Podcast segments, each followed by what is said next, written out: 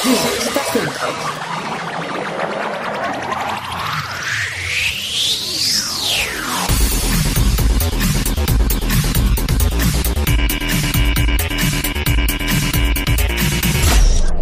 This is Taspen Talk, giving information and solution. Halo, kembali lagi bersama saya Devika dalam acara Tas Pentok. Nah, di episode kali ini saya kehadiran narasumber yang sangat kece sekali. Boleh dijelaskan namanya siapa, Mas? Saya Erwin Fajrin. Mas Erwin. Nah, Mas Erwin, kita lagi ada di mana sih di tempat ini? Eh, ini adalah Sinergi Lounge di gedung Kementerian BUMN lantai 3. Lantai tiga, oke. Jadi buat temen, buat sobat Taspen, kita sekarang lagi berada di Kementerian BUMN di lounge-nya. Namanya Iya, tadi apa? Sinergi Lounge. Oke. Nah, eh, dari Taspen nih eh, bersyukur sekali dan berterima kasih sekali kepada Mas Erwin udah mau menyempatkan hadir eh, dalam acara Taspen Talk ini.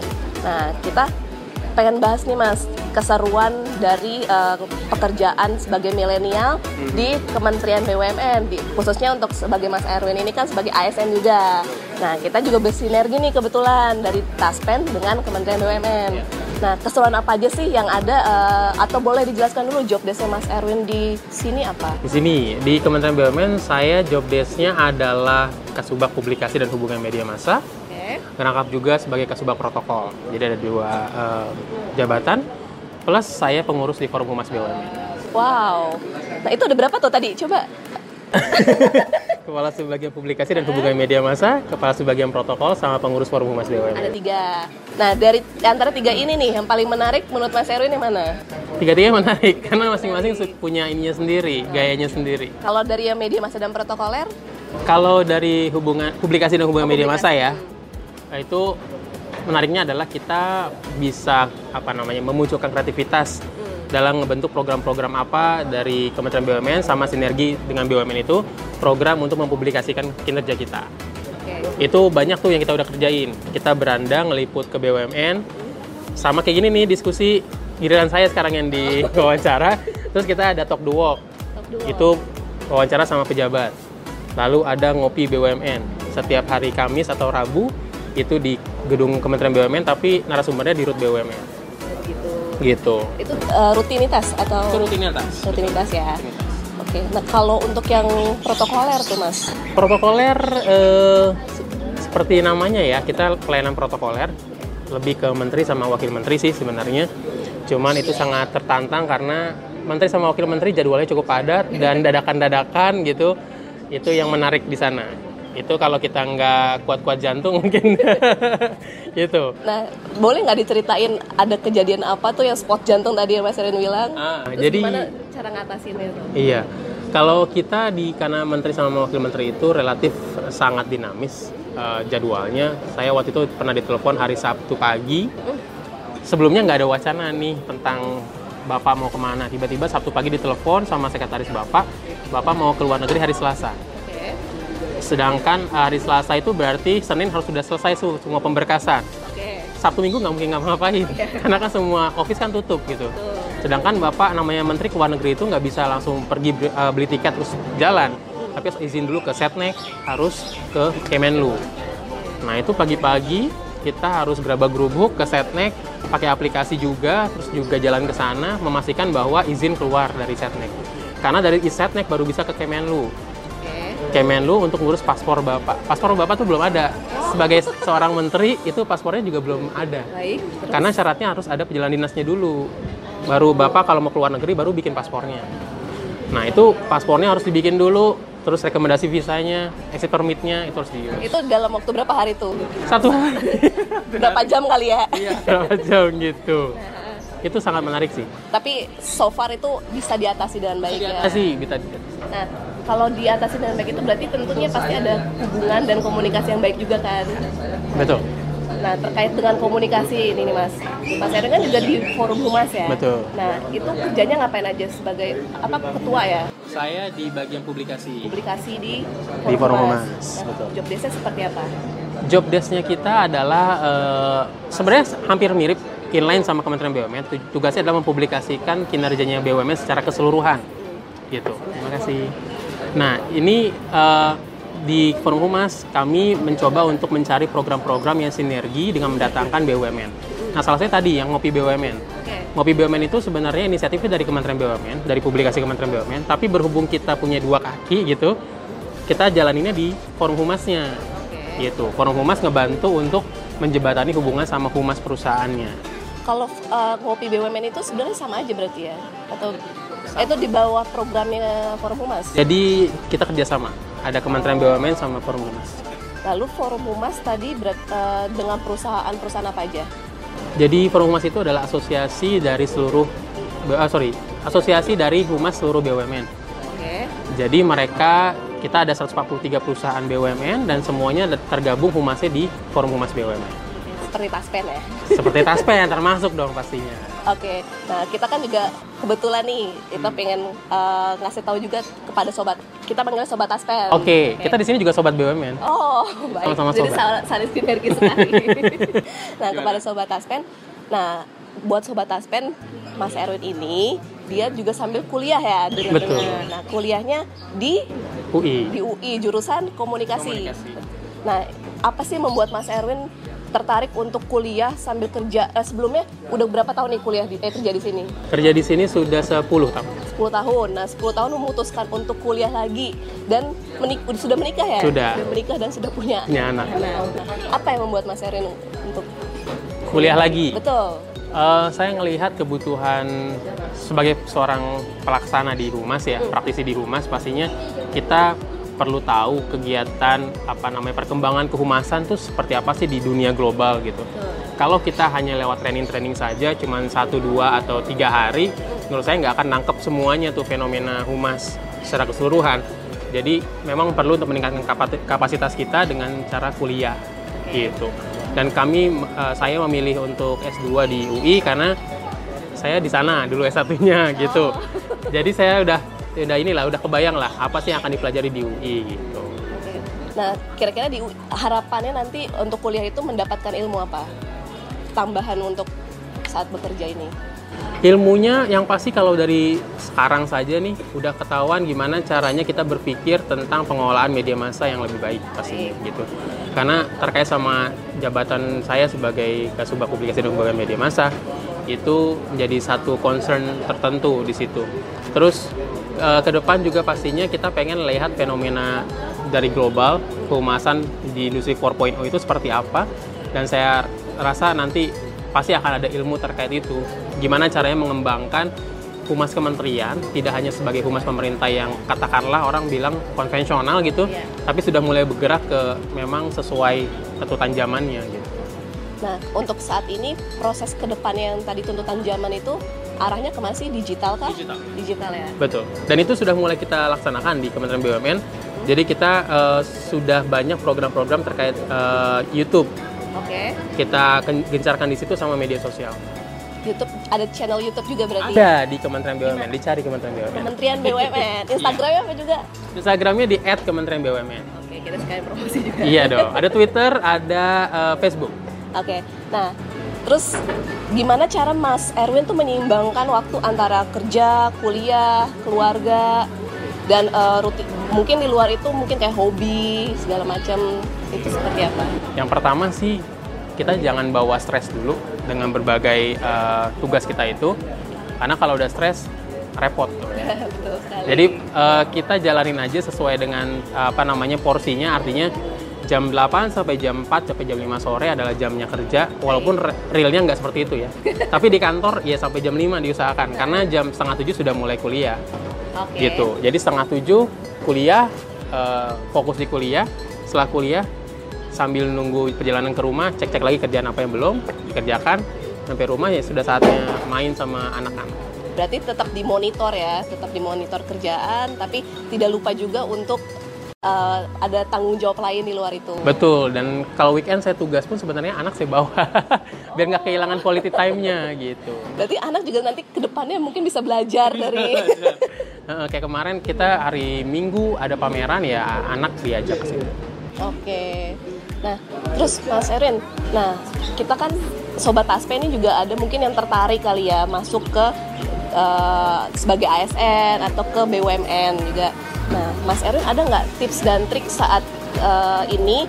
Atau dulu mungkin ketika Mas Erwin sebelum masuk 10 tahun yang lalu ya berarti 10 tahun yang lalu sebelum bekerja di sini itu tips dan trik saat kuliah gimana? Terus saat uh, berorganisasi gimana? Agar sobat taspen itu bisa baik juga dalam work life balance untuk juga manage waktunya gitu. Kalau saya zamannya kuliah adalah masanya kita untuk belajar banyak hal. Jadi dari masanya kuliah saya sudah ikut organisasi di dalam maupun di luar kampus. Karena dari situ kita sudah mulai punya uh, broad view lah ya, pandangan yang lebih luas terhadap uh, apa yang terjadi di sekitar kita gitu. Dari situ kemudian mempersiapkan yang namanya tes ASN itu memang relatif relatif menantang gitu, yeah. karena lebih banyak terkait sama peraturan perundang-undangan, sejarah, nasionalisme gitu. Itu memang sudah harus ada dan dimiliki oleh mereka-mereka yang mau ikut tes ASN gitu. Tapi yang perlu disadari dan perlu dijadikan pertimbangan juga, PNS zaman sekarang atau ASN disebutnya sekarang itu udah nggak kayak zaman dulu yang mana satu arah doang dari pimpinan ke bawahan gitu terus kita melakukan apa yang ditugaskan enggak ASN sekarang itu sangat terbuka e, ruang buat inovasinya. Yang penting sesuai dan dan apa namanya menjaga nama baik organisasi. Gitu. Seperti di Kementerian BUMN Kementerian BUMN ini selalu saya dan teman-teman bilang kita tuh birokrasi rasa korporasi. Karena kita ngelola 143 perusahaan yeah. gitu. Kayak baju kayak gini nih kita tuh nggak ada seragam. Di kantor ini nggak pakai seragam. Gitu.